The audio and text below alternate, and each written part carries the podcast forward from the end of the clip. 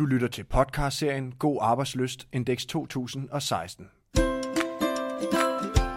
Velkommen til Grifer podcast om alt det, der giver dig god arbejdsløst.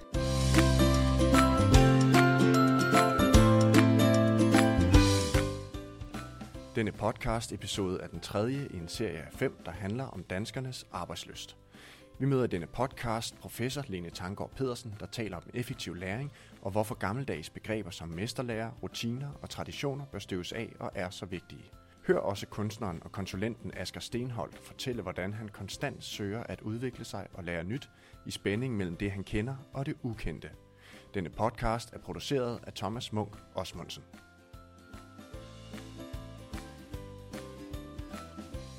I dag sætter vi fokus på mestring. Mestring og det at mestre noget handler om at føle sig kompetent, gøre det, man er god til og matche udfordringer med kompetencer. Det er også enormt vigtigt i forhold til at opleve arbejdslyst og glæde. Lige efter mening er mestring den faktor, der har størst betydning for vores arbejdsglæde. Lyt med, når jeg taler med professor Lene Tangård Pedersen om, hvordan vi hver især bliver så dygtige som muligt gennem effektiv læring, og hvordan vi fremmer læring gennem de rette tiltag og et godt miljø. Tak fordi du vil tale med mig, Lene. Jamen, det, var, det er altid dejligt at få lov at fortælle om det, man interesserer sig for. Ja, jeg er meget glad for, at du vil. Mm. Når vi nu kan se, at det betyder så meget for vores arbejdsløst, at vi oplever, at vi mestrer vores arbejde, at vi lykkes og vi udvikler os, det kan vi se i vores undersøgelse. Er det noget, der overrasker dig?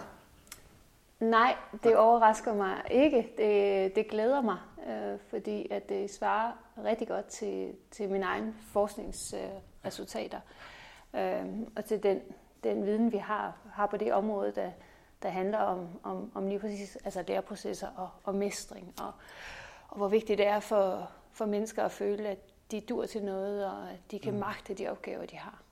Så, så, så det overrasker mig ikke, det glæder ja. mig bare. Skønt. Ja. det er også godt at blive, at blive bekræftet i det. Ja. Men hvorfor tror du så, det er så vigtigt for os mennesker, at, at mestre noget, og få den, den oplevelse af, at vi lykkes? Altså, en af de tænkere, jeg har været meget inspireret af i mit eget arbejde, øh, den engelske sociolog Richard Sennett, han siger, at øh, det her med at opleve øh, faglig fordybelse eller et vedvarende engagement i noget, det giver de fleste mennesker en meget stor livsglæde. Øh, det du kalder arbejdsglæde også. Øh, det er simpelthen øh, tilfredsstillende og at se, hvordan ens eget arbejde bidrager til noget, til noget andet. Øh, fordybelsen øh, giver os en følelse af at høre til øh, bestemte steder og kunne noget.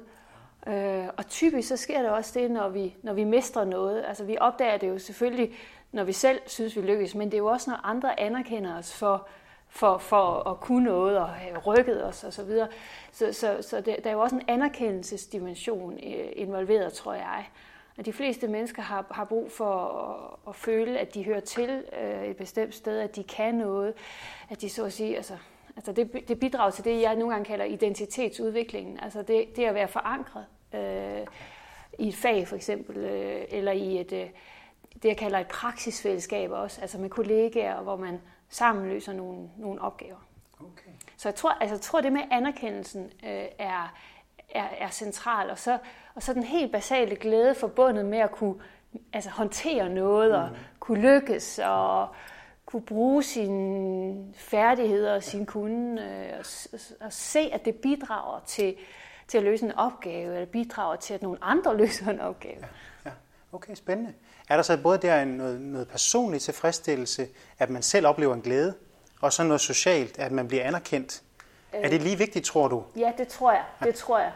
Altså vi kan jo også bruge eksemplet med barnet, ikke, som knækker læsekoden, som vi mm. siger, mm. og så, så vokser 10 cm ja. samtidig nærmest. Ikke?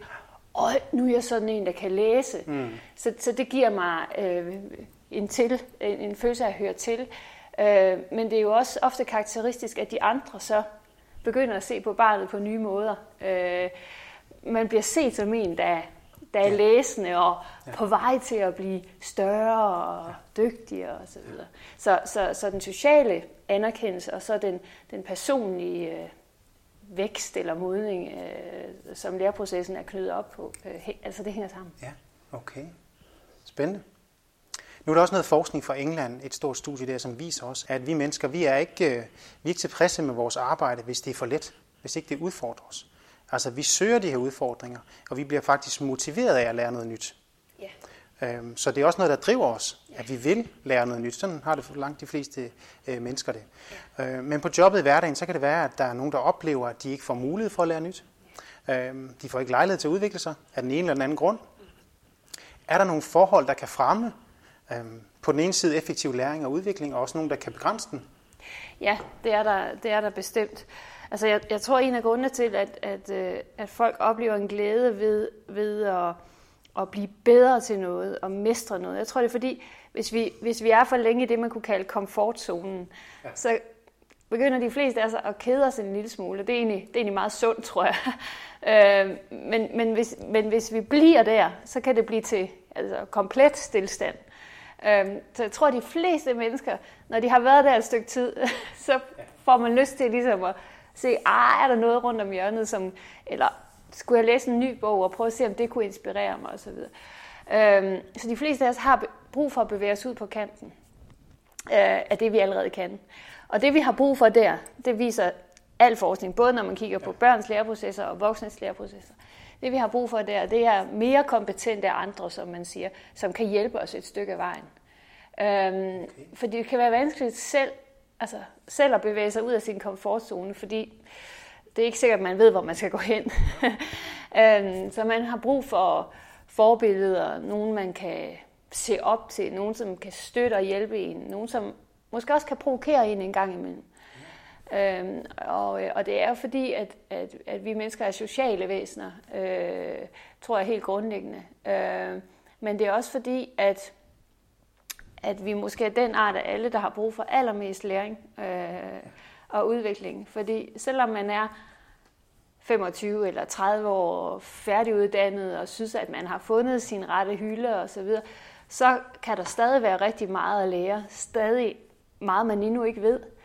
Øhm, og det er jo fordi, at, at, at vi er den art af alle, der har akkumuleret mest viden i bøger og teknologier. Og, øh, man kan stadigvæk som 80-årig opdage noget nyt. Øh, øh, så så, så vi har ekstremt meget øh, brug øh, for andre i de der øh, læreprocesser. Øh, vi har brug for øh, støttende praksisfællesskaber. Øh, vi har brug for at få adgang til, altså det kan også være ny teknologi, øh, som man skal lære at, at mestre. Nogle der kan hjælpe en til at vise en, hvad er det, den nye teknologi øh, kan. Noget af det, der kan begrænse øh, udvikling af mestring og, og læreprocesser, det, det er jo så præcis også, når andre stiller sig i vejen for det. Øh, nogle af de forskere, jeg har været meget inspireret af, øh, Jean Lever og Etienne Wenger, de skriver i, i, i noget af deres arbejde, at der kan være for eksempel tværgenerationelle øh, konflikter, siger de. Okay.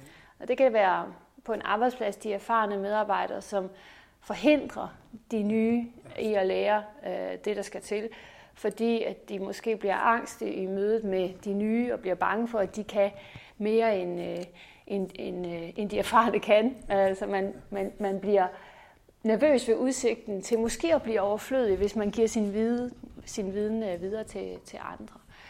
Øhm, vi ved også, at der i nogen, på nogle arbejdspladser er en interesse i at fastholde mennesker i, i, øh, altså, i det at løse de samme opgaver igen og igen. Altså, at der kan være nogle organisationer, der faktisk ikke har brug for, at medarbejderne lærer.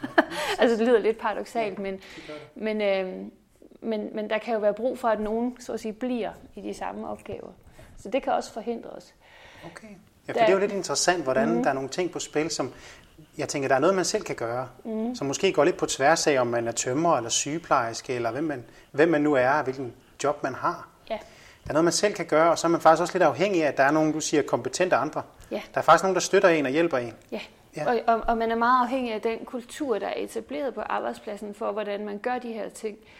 Øhm, i, I min nye bog, øh, som hedder Lær, der øhm, har vi øh, virksomheden Kvadrat med som, som case. Ligger i Æbeltoft og, og laver tekstiler. Øh, og, øh, og Mads Nygaard, som vi interviewer der, som har ansvar for deres øh, blandt andet talentudvikling, han siger, at øh, hos os er det aldrig for sent at blive talent. Man kan, være, man kan vise sig som talentfuld som 60-årig. Ja. det gør ikke noget, så tager vi den derfra, siger han. øh, og det er jo et eksempel på det, jeg kalder en, i, i bogen, det vi kalder en, en, en læringskultur, der er meget frugtbar, fordi at det gør det muligt øh, netop at vise sig som et talent øh, ret sent. Fordi på mange arbejdspladser bliver man måske nogle gange fastlåst i den rolle, man varetager, den identitet, man er blevet tildelt indimellem, øh, også, også af de andre. Øh, og det kan gøre det svært at vise, hvad man også kan, hvis man får lov til at løse andre opgaver. Så, så man er jo enormt afhængig af, at det vi kalder en dynamisk læringskultur, altså hvor det faktisk er muligt at få lov at flytte sig, hvis man har lyst til det. Selvfølgelig skal det også være legitimt ikke at have lyst til at flytte sig. Det er den anden side af det. Ja. Øh, fordi det at opleve at, at mestre noget, det er jo også at få lov at blive i det samme.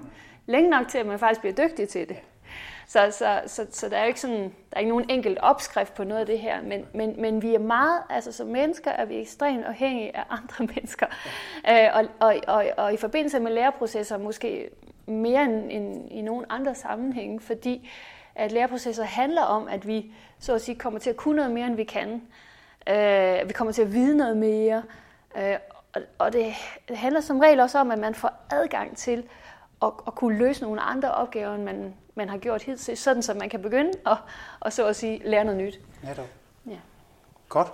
Det er spændende, for der, for mig bliver det lidt tydeligt, at der er nogle bestemte kendetegn ved effektiv læring. Vi kan selv gøre noget for at blive så dygtige som overhovedet muligt mm. med det talent, vi nu har. Ja. Ved at dyrke det og fordybe os. Ja. Og på en arbejdsplads, så kan man så gøre noget konkret for måske at knytte, knytte op på en erfaren person. Mm. Man kan mm. måske undgå, at andre stiller sig i vejen. Mm. At der er nogle erfarne, der ved bedre, måske. Ja. Ja. Øhm, frem for at de kan gå ind og guide og vise. Er det sådan det, vi kender fra, fra mesterlærer eller mentorship-ordninger? Ja. Er det i virkeligheden en meget en, en, en god og frugtbar vej? Altså det, det mener jeg jo, det er. Øh, mesterlæren øh, har fungeret i årtusinder. Ja. en øh, ret velafprøvet læringsmetode, må man sige, øh, som øh, er meget, meget effektiv, når den fungerer. Når mesterlæren fungerer, er det den mest ideelle måde at lære ting på. Fordi du, du, øh, du er i den praksis, du skal lære dig. Du, øh, I den gode mesterlærer har du adgang til mester eller de andre omkring mester, der, der kan vise dig, hvad er det, man skal kunne her. Hvordan øh, lever man sit arbejdsliv her hos os? Øh, hvad er alt det, vi ikke siger, som er vigtigt for at løse opgaven? Altså det får man adgang til. Men, men det er klart, at der også er nogle øh, øh læringsfælder, som jeg kalder det i bogen, okay. i, øh, i mesterlæren. Øh, altså, det skal, jeg mener, det skal være, for at mesterlæren skal kunne fungere, der, så skal der jo være en mester, der er villig til at give noget fra sig. som er villig til at tage de nye ind og øh, er med på, at de nye risikerer at blive dygtigere end mester selv. Ja, det er jo det, der kan ske. Det er jo risikoen. Ja. det er risikoen ja. ved god læring. Ja. Øhm, og, øh, og der skal også være, altså, altså det duer heller ikke, at man kun tænker på mester. Der skal være mange andre læringsressourcer i spil. Vi ved fra undersøgelser af mesterlærer, at noget af det, der fungerer allermest effektivt, det er øh, det, man kalder kammerat til kammerat øh, oplæring, eller peer-to-peer. Altså, øhm, så, så, så, så en god mesterlærer, der, der skal man jo organisere øh, det, jeg kalder et læringslandskab. Øh, så der er mange forskellige steder, øh, man kan lære. Øhm, og så skal det, altså, når jeg siger, at de andre er vitale for individets eller personernes læreprocesser, så, så på en arbejdsplads, så skal det også være øh, attraktivt for de andre at bruge tid på at lære op og give fra sig. Og det er altså på nogle virksomheder, øh, der har noget af min egen forskning vist, at det kan være det er ikke altid, det er det. Nej, det kan være en ekstra belastning, hvis det der kan... er en ny, der kommer, og ja. man skal løse sin egen opgave, og nu kommer der en ny, jeg skal også lære han eller hende op. Ja. Oven i det, jeg skal, selv skal gøre. Ja, ja okay. og de stiller de besværlige og halvdumme spørgsmål, ja, de der de. nye folk, og nogle af dem bider sig fast og vil have, at man bruger tid på dem. Ja, det er præcis. og, og, og, og som, øh, som en af de mere erfarne kan man måske opleve, at man i højere grad bliver belønnet øh, for at dyrke sin egen karriere.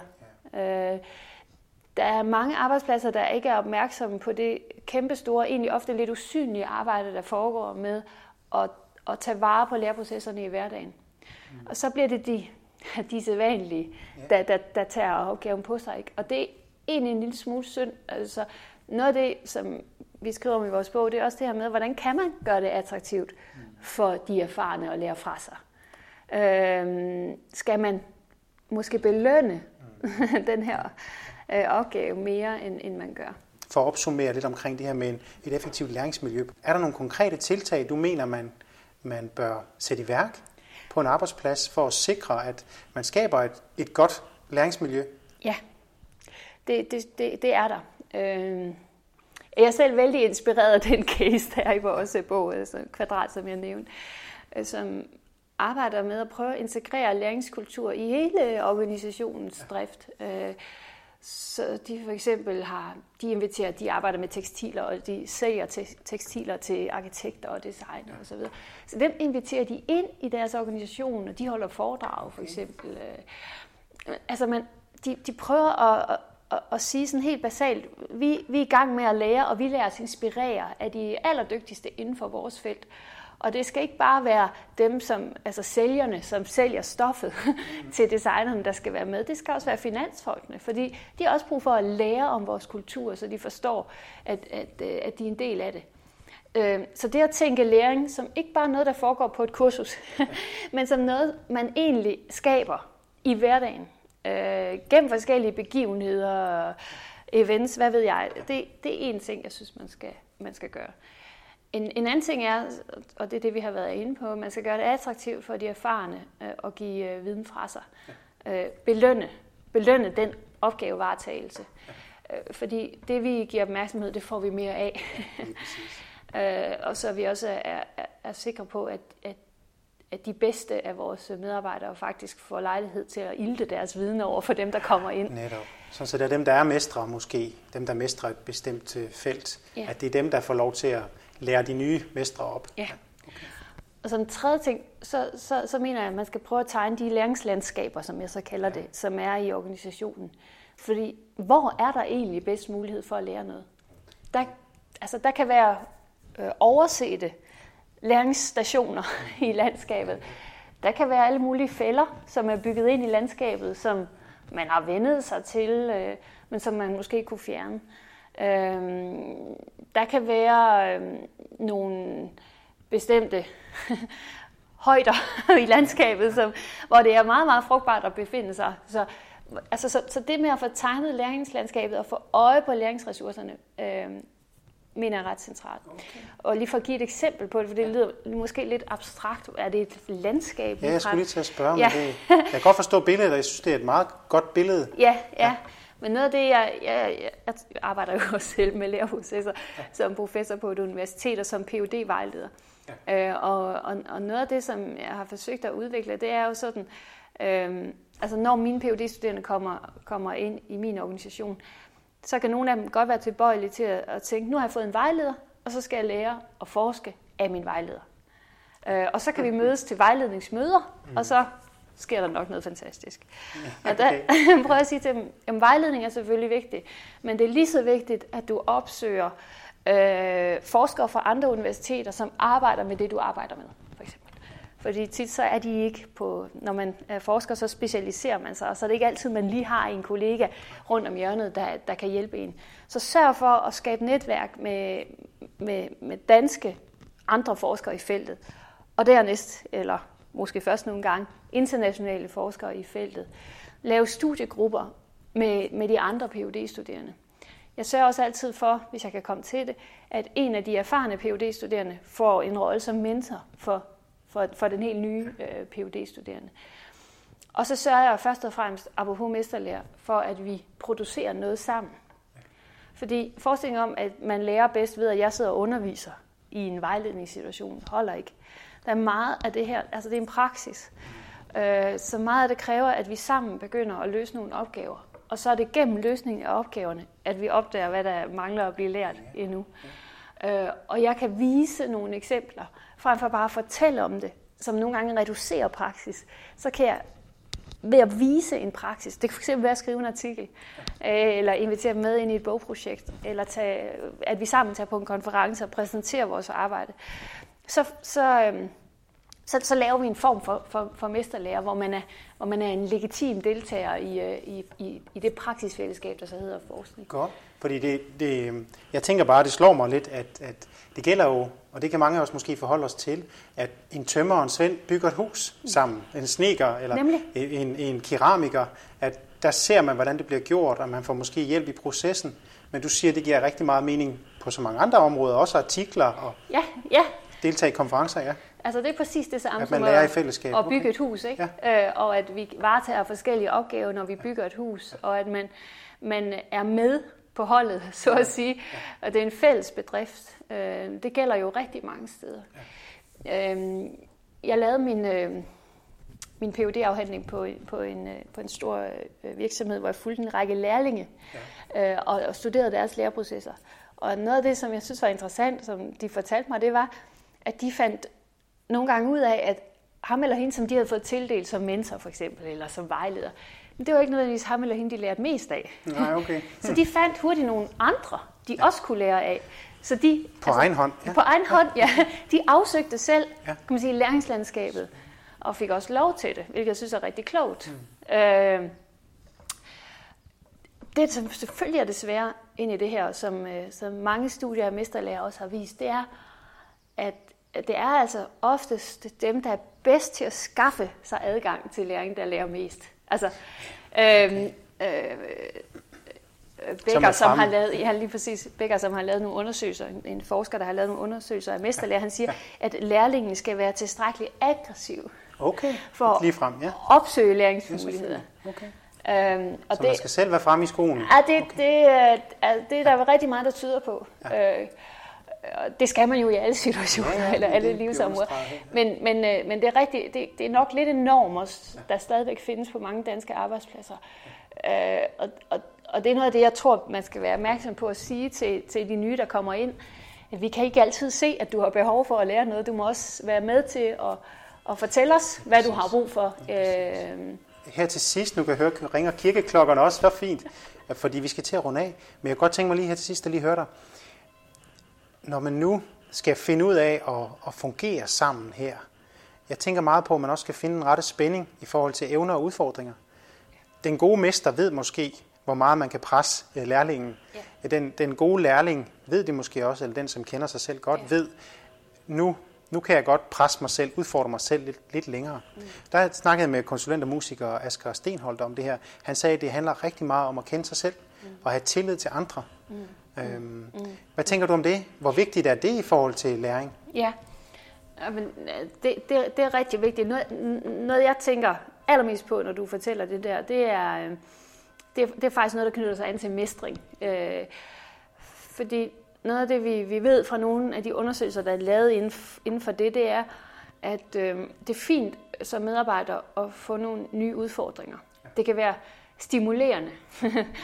og også frustrerende, men, men måske det, først og fremmest stimulerende og, og, og, og kunne mærke, åh, oh, nu skal jeg op mig, nu skal jeg, nu skal jeg tage mig sammen, nu, nu bliver jeg nødt til at gøre en indsats. Men, men for at det ikke skal blive til ren angst for den nye opgave, så er det rigtig vigtigt, at man har mulighed for at opsøge hjælp om nødvendigt. Altså den her, kan man sige, det er også sådan en slags zone, man kan etablere. Man kan sige, jamen her står et menneske, som skal lære noget nyt, og det er per definition en lille smule angstprovokerende. Øh, for, at, for at, at få lyst til at bevæge sig ud i det nye, så er det rigtig vigtigt, at vi, altså, at vi oplever, at vi faktisk kan få støtte og hjælp, når det bliver svært. Og det er ikke det samme som, at man skal have støtte hele tiden. Men det er ligesom meget oplevelsen af, at der er nogen et eller andet sted, jeg kan kalde på, hvis det bliver nødvendigt. Godt. Og det kan være et, det sikkerhedsnet, der er, eller det, som hjælper en og faktisk sikrer, at man lykkes og lære og udvikler ja. sig i den rigtige retning. Ja, præcis. Og det kan jo også være en støtte, der handler om at sige, Nå, okay, den opgave var for svær. Ja, okay. så, så skal vi måske bare lige gå et andet sted hen. Nemlig. Flot. Tusind tak for snakken, Lene. Selv tak. Det var en fornøjelse. Ja, lige måde. Som Lene var inde på, er det rigtig vigtigt og motiverende for os mennesker, hvis vi får lov til at udvikle os og opleve, at vi mestrer vores opgaver. Og det handler både om personlig tilfredsstillelse og social anerkendelse. Kompetente kolleger og andre har sammen med vores eget initiativ og nysgerrighed en stor betydning. Som arbejdsplads og virksomhed er det vigtigt at prioritere de rette tiltag og skabe et godt miljø, og måske særligt belønne dem, der lærer fra sig. Hør i det følgende fra Asger Stenholt, hvordan han konstant søger at udvikle sig selv og lære nyt, og altid presser sig selv lidt ud af komfortzonen.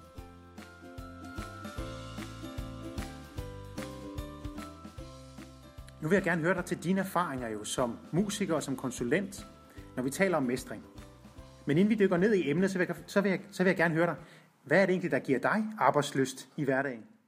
Jeg har faktisk øh, brug for altid at føle mig en lille bit smule utryg. Altså, at, at jeg ved, at jeg kommer til at lære noget nyt i dag. Øh, og at jeg ved, at jeg satser et eller andet, og at jeg ikke spiller sikkert, hvad enten det er på et instrument eller øh, i en situation, hvor jeg er proceskonsulent. Og det vil sige, at jeg er meget udviklingsorienteret, og jeg kommer ret let til at kede mig. Så øhm, min udfordring er nærmest mere at, at, at gøre det sikre, øh, at gøre det, jeg ved virker, fordi at jeg kaster mig glad ud i noget, jeg ikke nødvendigvis ved virker. Og det er jo noget, jeg har trænet mig i som musiker i, i rigtig, rigtig mange år.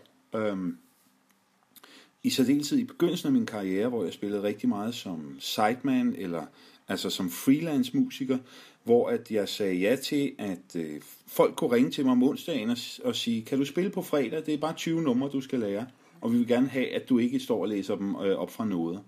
Ja, selvfølgelig. Og så, øh, så har man altså lige pludselig kun et døgn til at lære en hulens masse sange i, og kunne dem udenad. Og det der med at være villig til at stille sig op og muligvis kveje sig, men samtidig være beskyttet af, at man er jo afløser, så folk er glade for, at man overhovedet kunne med kort varsel.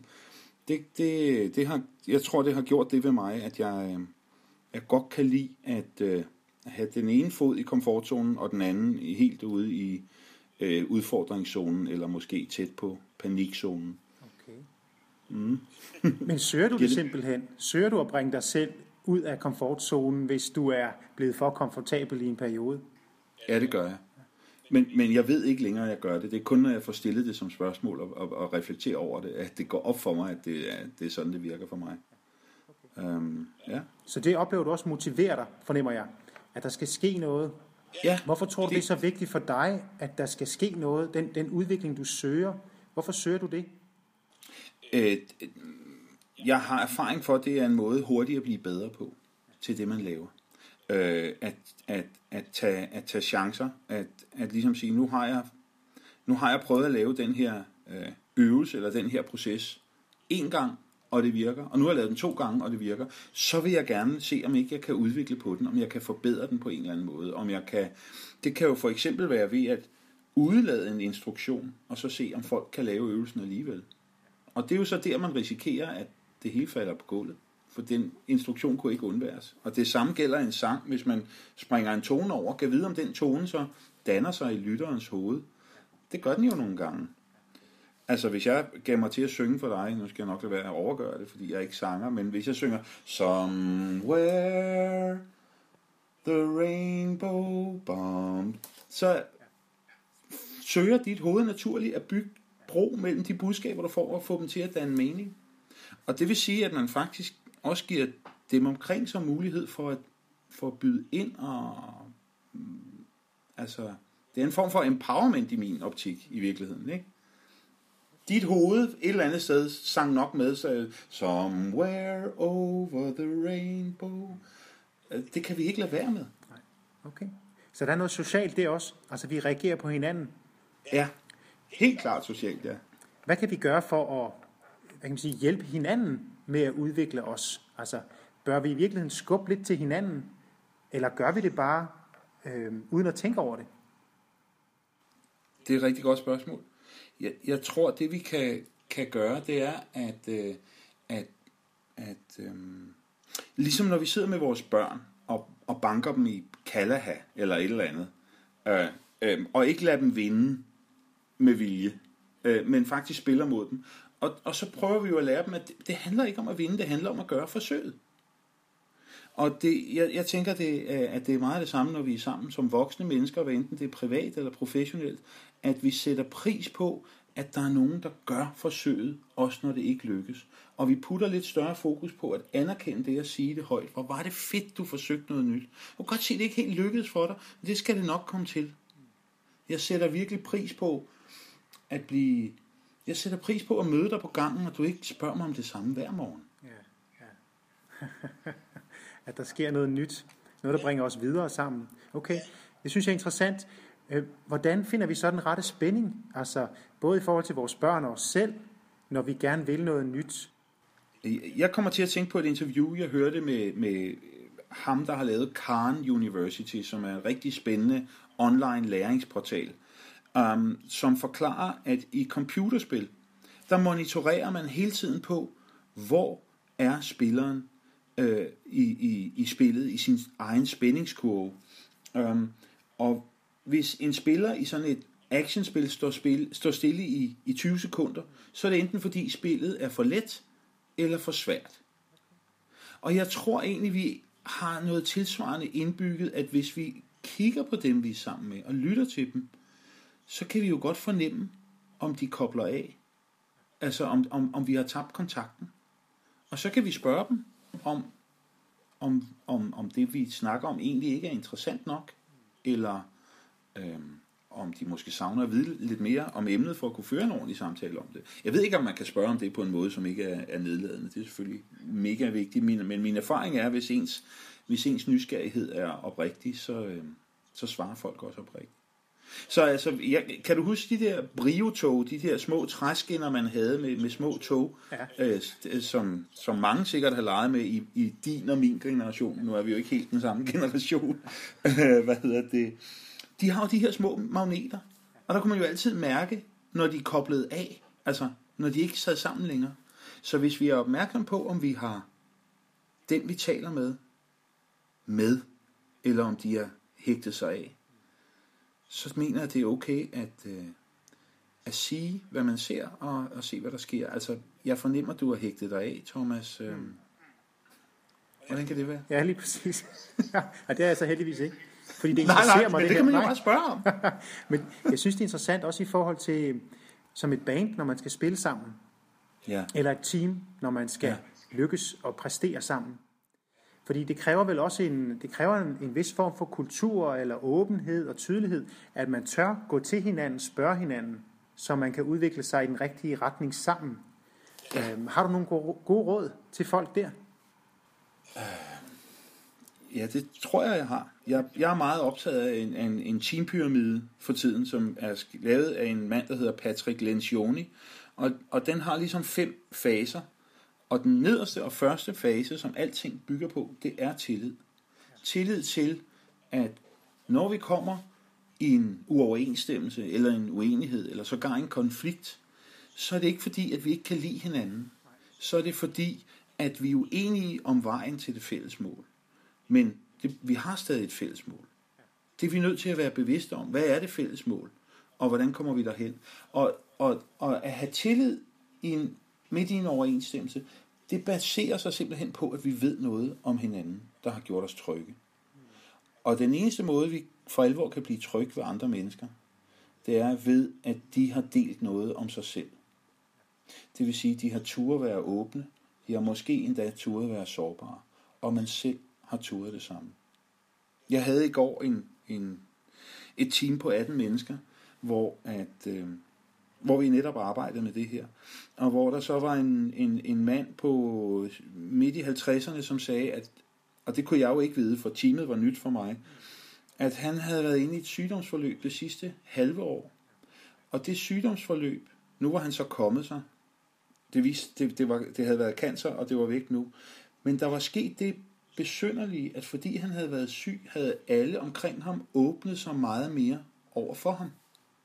Og fortalt ting, de ellers aldrig havde fortalt. Og det havde beriget hans liv enormt meget, og gjort, at han følte sig meget tættere knyttet til team. Og det var sket, mente han selv, fordi at han havde været nødt til at være mere åben, end han plejede, fordi han var i et sygdomsforløb det er jo interessant, at sådan et, et sygdomsforløb og den her tvungne åbenhed, som jo ikke, den var ikke frivillig, den var, det, han havde været nødt til at være at sige, jeg kan ikke passe mit arbejde på samme måde af den og den grund. Den havde faktisk medført en højnelse af hans livskvalitet rent, øh, både socialt, men også på arbejde. Og det bekræftede mig i, at, at bunden i den her pyramide, det er tillid, tillid, tillid. Og jeg bliver lidt træt af at sige det, fordi det er sådan en blød værdi. Ikke, øh, ikke at jeg mener, det er forkert. Ja, det synes jeg, det synes jeg, det synes jeg er interessant, også på en, på en alvorlig baggrund. Mm. Fordi, når du siger det med pyramiden, tillid bliver noget fundamentalt, man skal bygge på. Hvis ikke den er der, så kan man ikke komme videre. Er det sådan? Ja, det, det tænker jeg. Og, og når vi nu egentlig er startet med at snakke om mestring, som, som, som, øh, som er et utrolig interessant begreb, så kunne man jo godt forestille sig, at det at mestre, at skabe tillid, og at vække tillid hos andre, og at få andres tillid, at, at mestre det, det er noget, du kan bruge i alle områder af livet i, og i resten af dit liv, og ligegyldigt hvad for en, en karrierevej du tager, eller vælger, eller ændrer. Det, det kan ligesom blive en generel egenskab, som, som, som kan være uvurderlig. Hvordan på det personlige niveau, nu der er mange, der snakker om at flow og nærmeste udviklingszone, at, at mm. vi kan arbejde med det, og der er nogle principper, vi kan bruge. Er der noget, du personligt gør for at bringe dig selv i flow, eller for at ramme det der, for at ramme den rette spænding? Ja, det er et mega godt spørgsmål. Um, jeg blev meget inspireret på et tidspunkt, da jeg læste et interview med Keith Richards fra Rolling Stones, som spiller guitar. Og, øh, og som, der er jo den her myte, øh, hvad enten den er sand eller skabt, om at han er, er den her øh, misbruger af alle former for substanser. Men han siger faktisk rigtig mange fornuftige ting. Øh, når han skal skrive en ny sang, så sætter han sig ikke ned og begynder med at skrive en ny sang. Han begynder med at sidde og spille alle de yndlingssange, der allerede er skrevet, der lige falder ham ind. Sange, han synes er rigtig, rigtig fede. Og så øh, sker der uværligt det, at i løbet af 20 eller 30 eller 40 minutter, så tager hans kunstnersjæl, eller hans underbevidsthed, hvad vi nu skal kalde det over, eller vi kan også kalde det hans udviklingstrang, tager over og, og begynder at finde noget andet på gitaren.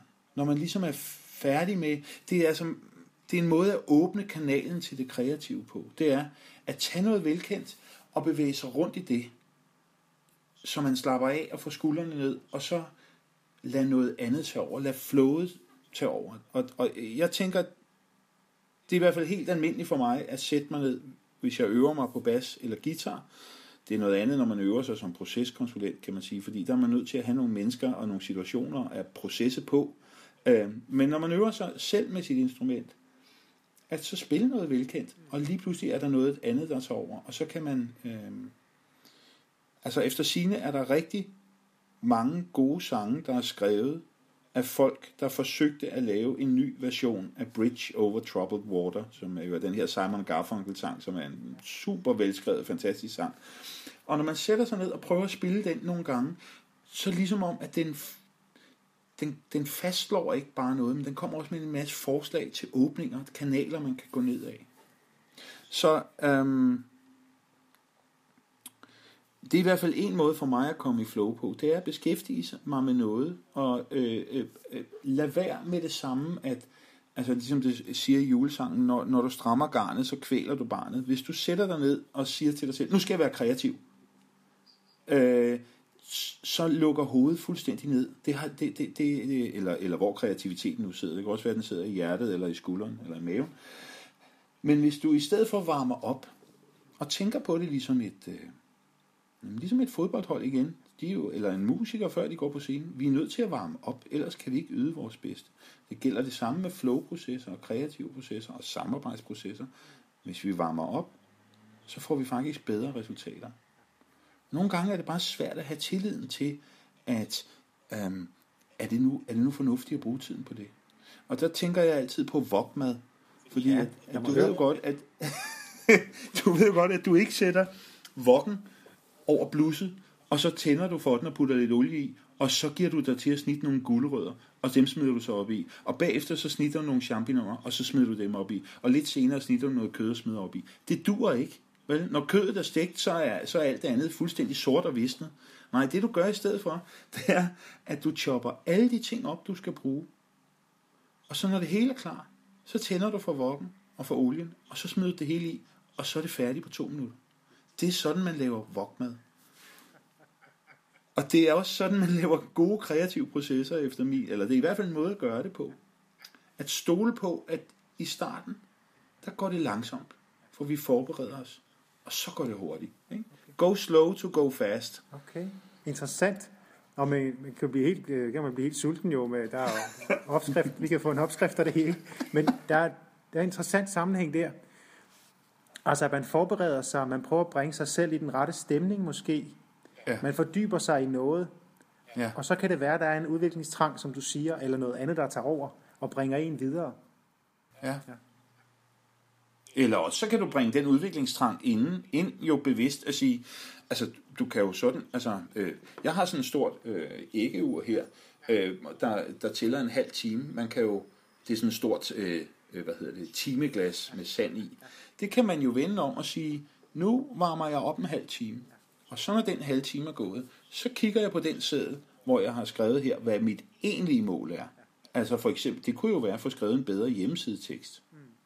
Det er jo helt almindeligt, at forfattere de også varmer op med det, der hedder flow writing. Det er jo en fantastisk teknik øhm, til at varme op til. Og det er sådan set ligegyldigt, om du skal skrive en, en, en, en, en, altså en jobansøgning for så vidt, eller en øh, hjemmesidetekst, eller en tekst til en sang.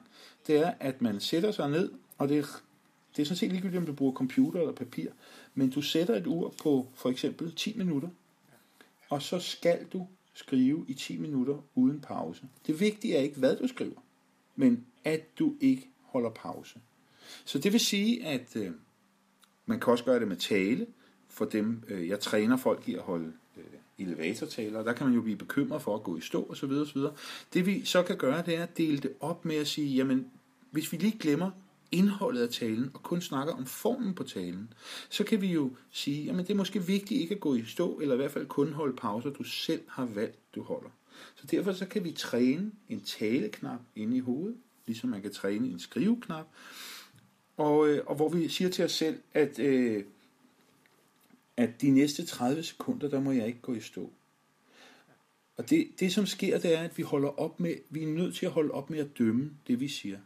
Jeg giver dig lige et eksempel. Nu, jeg, jeg kigger på mit ur, der er gået 30 sekunder, og de, eller ikke, de starter nu, og nu skal jeg altså snakke i 30 sekunder til dig, øh, både dig, der lytter derude, og, og dig, som jeg hedder, og har samtalen med her, og jeg må ikke gå i stå. Og hvis jeg når til et eller andet sted i samtalen, hvor jeg er ved at gå i stå, så er det okay, jeg siger et eller andet absurd.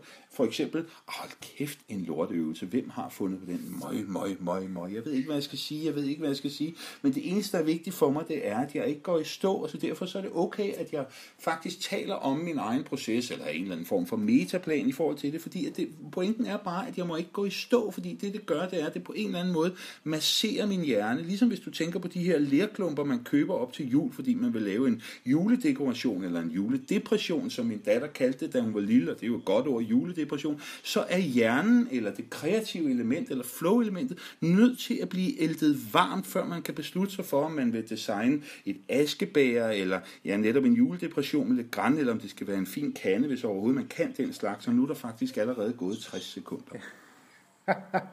Der kan man bare se og høre Det har jeg ikke altid kunnet. Ja, Det har jeg trænet. Ja. Du kan gøre det samme med at skrive eller at spille. lige præcis. Og, Inspirerende. og nu er der sket noget. Jeg er blevet varm. Jeg har, jeg har kommet dybere, tættere på at komme ind i et flow. Okay, ej hvor spændende. Så det er simpelthen det der med at sige, at du kan bruge nogle øvelser, du kan lave nogle benspænd for dig selv, der faktisk tvinger dig øh, videre. Og så bliver du varm, og så er det ligesom om, der tager bevægelsen over. Øhm, så, så, så er der et momentum, så er der en fremdrift, som du så kan, en bølge, du kan ride på videre. Ja. Lige det sådan? præcis. Okay, Sm- Smukt billede. Først så skaber man bølgen, og så hopper man op på den med sit surfboard bagefter. Ja. super godt. Inspirerende. Som du kunne høre, udfordrer Asger sig selv i en grad, der gør, at han virkelig flytter grænserne og lærer meget på kort tid. Måske vi andre kan lære ham, og træne os selv i at kaste os lidt mere ud i tingene, selvom det er nyt og ukendt, i forsøget på at lære noget nyt langt hurtigere. Det kan lyde farligt, og måske er det også derfor, han lægger vægt på, at vi bør fokusere på, at det vigtigste er, at vi selv gør forsøget, og anerkender os selv og andre for det. Andre af Askers centrale pointer gik på vigtigheden af tillid til andre, og hvordan vi kan søge at bringe os selv i flow ved at forberede os og varme op, ved at skrive om, snakke om eller spille noget kendt, for på den måde at skabe en kreativ energi, der siden kan drive os videre fra. Næste podcast i denne serie handler om emnet balance, og hvordan det kan være, at folk er gladest, hvis de arbejder enten mindre eller mere end 37 timer om ugen, frem for netop 37 timer om ugen. Den kan du se frem til at høre i næste uge. God arbejdsløs så længe og på genhør.